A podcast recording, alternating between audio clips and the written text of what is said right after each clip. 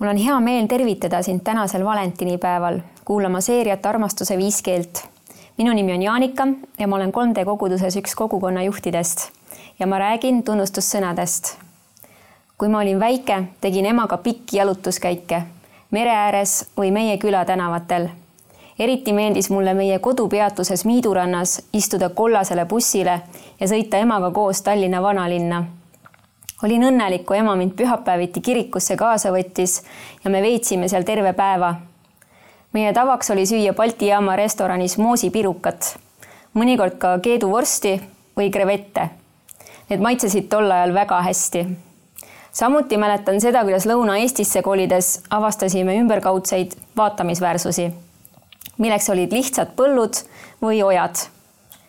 see kõik meenus mulle alles mõned aastad tagasi ma ei mäletanud oma lapsepõlve, kuigi olin püüdnud seda meenutada. minu isa oli vägivaldne ja ilmselt on mu aju kustutanud ühes halbade mälestustega kõik, ka kõik head. lapsepõlve mälestused meenusid mulle paar aastat tagasi üsna ootamatult selle peale, kui mu ema mind kallistas ja kutsus mind hüüdnimega, mis mul lapsepõlves oli. tegu oli iseenesest lihtsa teoga minu ema poolt, kuid see tõi minus esile nii suure reaktsiooni ja muutuse vajadus ennast armastatuna tunda on inimese põhivajadus. nii nagu Jumal on loonud inimese võimega armastust tunda ja kogeda, on Jumal loonud inimese vajadusega armastust ja hoolimist jagada. Gary Chapman on oma raamatus Armastuse viis keelt toonud kujundlikult välja selle, et nii nagu igaühel meist on oma emakeel, mida räägime vabalt, nii on meil igaühel ka iseendale omane armastuse keel, mida me loomuomaselt kõige ladusamalt kõneleme kui tahame lävida teistega, kes räägivad meist erinevat keelt, siis ainult enda emakeeles rääkides me ühist keelt ei leia. näiteks kui mina räägin ainult eesti keelt ja kaaslane ainult vene keelt, siis on selge, et me ei saa omavahel suheldud. võib-olla ainult kaudsete märkide keeles. samamoodi nagu ma õpiksin vene keelt, kui tahan oma kaaslasest aru saada, peaksime õppima rääkima üksteise armastuse keeli kui minu peamiseks armastuse keeleks on tunnustussõnad, kuid mulle tuuakse asju ja jätkuvalt ainult asju, olen ma õnnetu ning kinkija on võib-olla segaduses, miks tema poolt pakutud parim armastuse väljendus ei jõua minu südameni. seega on oluline jagada hoolimist teadlikult selles keeles, mis on kaaslase esmaseks armastuse keeleks ja õppida mõistma ja avatult vastu võtma armastust selles keeles, mida räägib kaaslane kodu korras hoidmine ja toidu valmistamine, mis võisid senini tunduda tavalised tegevused, saavad nüüd teise, väga olulise tähenduse.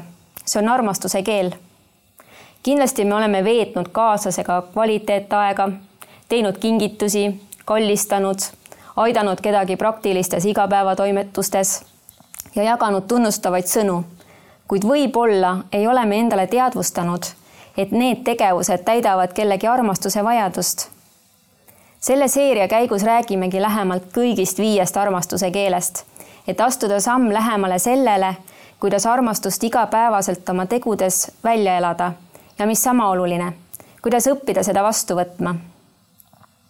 kui ma ise tänase teema üle mõtisklesin, siis tabas mind üllatus varem olin ma ilma pikemalt järele mõtlemata arvanud, et minu esmaseks armastuse keeleks on kvaliteetaja pidamine. kuid mõteldes põhjalikumalt sellele, kuidas ma iseenda hoolimist teistele väljendan ning mis on need armastuse ja hoolimise väljendused, mida ma ise kõige rohkem vajan, jõudsin uute järeldusteni, saades aru enda esmasest armastuse keelest. Läksid nii mitmedki asjad minu jaoks paika enda armastuse keeles jõudsin selgusele, kui mõtlesin sellele, kuidas mind on pannud hästi tundma see, kui on räägitud minu esmases armastuse keeles, milleks on tunnustussõnad? Ja kuidas mind on mõjutanud selle armastuse keele puudumine või siis lausa halvad kommentaarid või põlastav kriitika minu tegevuse või minu isiku vastu. samuti on mulle peaaegu sama oluliseks keeleks füüsiline sõbralik puudutus selleks sobib ka kasvõi kellegi kõrval istumine. kui minuga on räägitud minu armastuse keeltes, on see toonud minus esile väga palju positiivseid muutusi. eriti kõnekaks näiteks on see, kuidas kallistuse ja hellitusnime peale tulid mulle meelde minu jaoks eluliselt vajalikud lapsepõlvemälestused. ilma kvaliteetaega pidamata jään ma ellu, kuid ilma füüsilise sõbraliku puudutuseta ning sõnades välja öeldud tunnustussõnadeta kahjuks mitte. Siinjuures on väga oluline see, et mina ise vajan tunnustussõnade väljaütlemist vaata et rohkemgi kui seda, et mulle endale neid öeldaks. kui ma ei saa oma hoolimist väljendada, hakkab see minu sees valutama. kui sa mind kuulates jäid mõtlema, siis enda esmases armastuse keeles võid sa saada selgusele, kui mõtled, mida sa ise kõige tihedamini teistele teed või siis tahaksid teha. abiks võib olla see, kui mõtled, mida oled teistelt kõige rohkem palunud või milliseid etteheiteid kõige tihedamini teinud. kui ikka veel kahe vahel oled, siis mida tehes oled tundnud ennast kõige valusamat torget, kui seda sinu tegu ei võetud kaaslase poolt vastu nii, nagu lootsid või kui see tegu jäi julguse puudusel või mõnel teisel põhjusel üldse tegemata. võid ka leida, et oma peamist armastuse keelt ei olegi sa nii palju kasutanud kui mõnda teist keelt, enda, enda jaoks turvalisemat hoolimise väljendust. kumbki minu vanematest ei rääkinud minu armastuse keelt. ükski minu lastest ei räägi minuga sama armastuse keelt.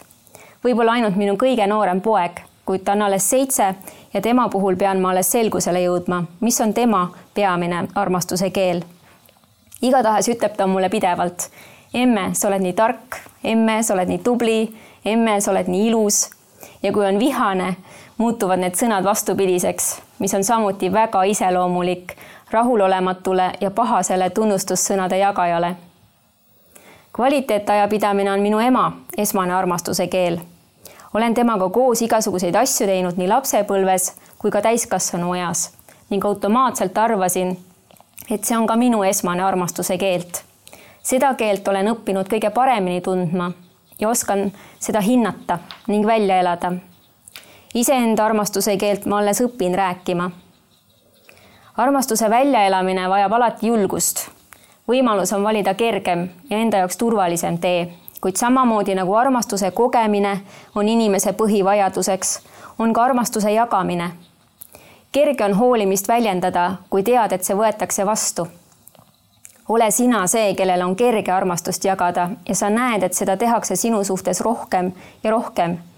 kui tõrjuda ja öelda, et ah, mis sa tänad, pisiasi ju või mis sa minu pärast ikka seda kohvi tegema hakkad, võtad sa võib-olla ära teise inimese julguse armastust jagada.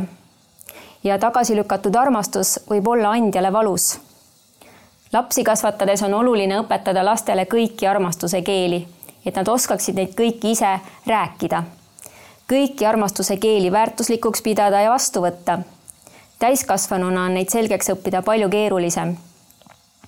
oluline on jagada hoolimist teadlikult just selles keeles, mis on kaaslase esmaseks armastuse keeleks ja õppida mõistma ja avatult vastu võtma armastust selles keeles, mida räägib kaaslane.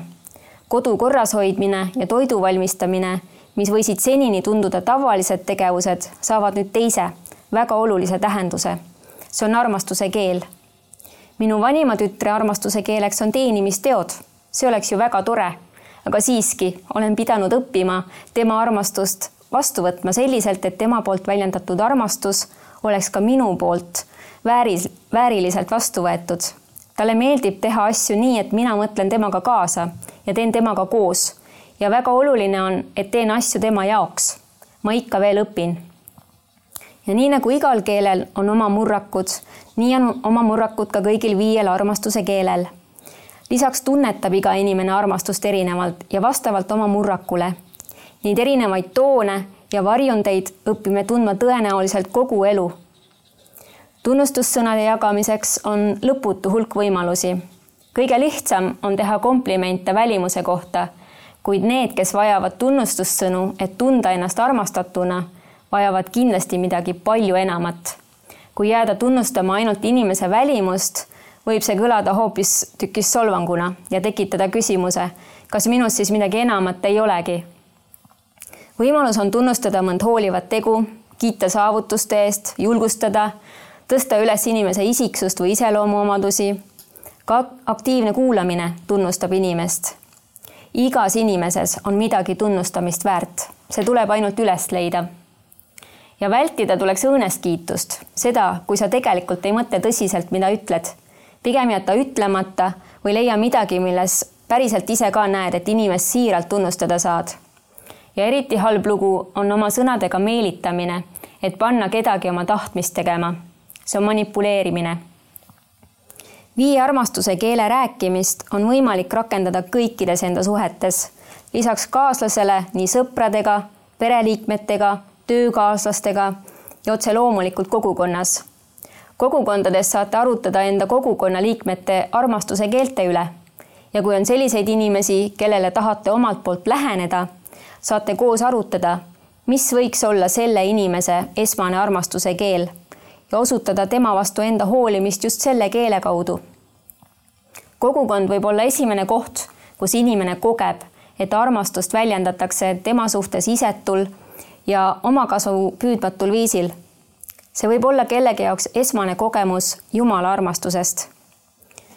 ja inimene, kes ei ole isiklikult kohtunud Jumalaga, mõistab Jumala armastust ainult selle kaudu, kuidas kristlased tema vastu armastust ja hoolivust üles näitavad.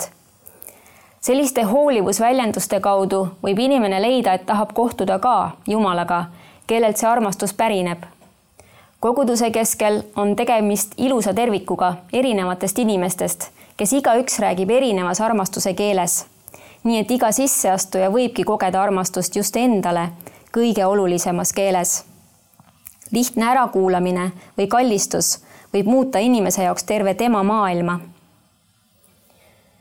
kui ma mõtlesin viie armastuse keele peale, siis sain aru, et ka Jumal räägib minuga eelkõige minu esmases armastuse keeles tunnustussõnades, öeldes mulle nii isiklikult kui ka piibli kaudu, et ma olen oluline ja väärtuslik ning ta toetab ja julgustab mind ka siis, kui ei ole parasjagu inimesi, kes seda teha saaksid. neljateistaastaselt palvetasin enda siira ja tõsise palve Jumala poole.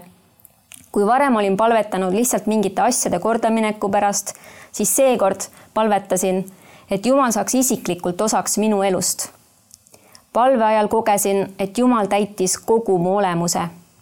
tundsin endas rahu ja õnnetunnet, mida sellisel viisil varem ei olnud kogenud. hüüdsin ema enda tuppa ja rääkisin talle, et kohtusin isiklikult Jumalaga. ta oli väga rõõmus, sest tema palved olid saanud vastuse. ema istus mu voodiserval ja me rääkisime kogu õhtu. tal oli imekombel seekord palju aega peale minu isa surma oli tal keeruline leida jagamatut tähelepanu igaühele oma viiest lapsest. kogesin sellel päeval Jumala puudutust ja oma ema armastust, kui ema minuga nii pikalt juttu rääkis. nüüd, kui minu toonasest palvest on mööda läinud palju aastaid, olen avastanud, et palve ehk siis kõnelus Jumalaga on minu jaoks justkui hingamine. algab hommikul, kui silmad avan ja lõpeb magama minekuga kuulen Jumalalt tihti juhtnööre oma elu olukordades käitumiseks. mõnikord on lahendused üsna keerukad, teinekord jälle üllatavalt lihtsad. alati vastavad need juhtnöörid ka piibellikele põhimõtetele.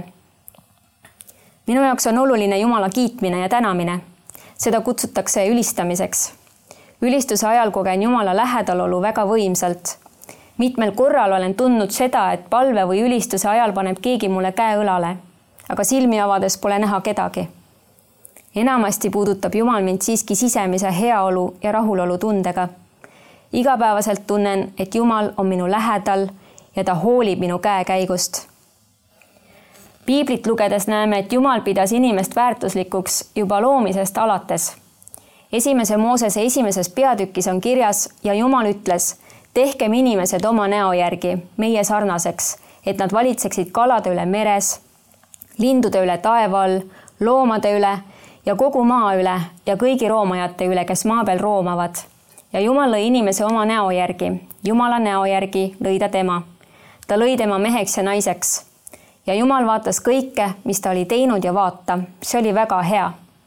piiblit on nimetatud Jumala armastuskirjaks inimestele ja tõepoolest, piibel selgitab inimese väärtust ja eesmärki samuti jagab Jumal piibli kaudu inimestele väga palju julgustust ja tunnustust.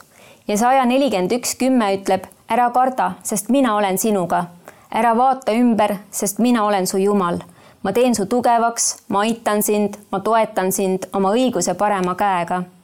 ja Jeremiia kakskümmend üheksa, üksteist ütleb, sest mina tunnen mõtteid, mis ma teie pärast mõlgutan, ütleb issand. Need on rahu, aga mitte õnnetuse mõtted, et anda teile tulevikku ja lootust. ning Jeremiia kolmkümmend üks, kolm ütleb, ma olen sind armastanud igavese armastusega. seepärast jääb mu osadus sinuga.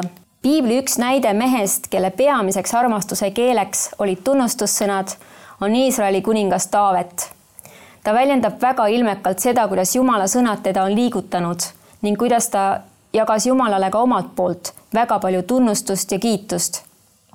Ühes laulus ütleb ta näiteks, ma kiidan lauluga Jumala nime ja tänulauluga ma ülistan teda. see on issandale meeldivam kui härg, kui härjavärss, kel on sarved ja sõrad. ja teises halleluuja, kiida mu hing issandat. ma tahan issandat kiita oma eluaja ma tahan oma Jumalale mängida nii kaua, kui mind on. Neid laule on Taavetil väga palju. Jumala armastuse suurim näide on Jeesus, kelles Jumala armastus kehastus lausa füüsilisel kujul. Johannese kolm kuusteist ütleb, sest nõnda on Jumal maailma armastanud, et ta oma ainusündinud poja on andnud, et ükski, kes temasse usub, ei hukkuks, vaid et tal oleks igavene elu Jeesus osutas armastust kõikidele inimestele enda ümber, seda nii oma sõnades kui ka oma tegudes ja kõigis viies armastuse keeles. Jumal armastas inimest ka peale seda, kui inimene otsustas pattu teha ja selle läbi sai kogu inimkond patuseks ja rikutud. Jumal valmistas meid ja soovib olla meiega igavesti. küsimus on ainult selles, kas me seda ise tahame ja ka usu läbi vastu võtame Jeesusesse uskumise ja tema eeskuju järgimise kaudu saame olla osaduses Jumalaga ja saada osa Jumala igavesest armastusest. piibel õpetab, et Jumal on armastus. Inimest luues pani Jumal inimesesse armastamise võime. võiks lausa öelda, et supervõime, mida tuleb meil õppida kasutama sellisena, nagu ta on mõeldud. ehk siis vastama Jumala armastusele enda armastusega ja armastama Jumala poolt loodut kohe ilmuvad ekraanile mõned küsimused. soovin head aru, arutelu aega või siis omaette mõtisklemise aega, kui vaatasid mind ekraani ees üksi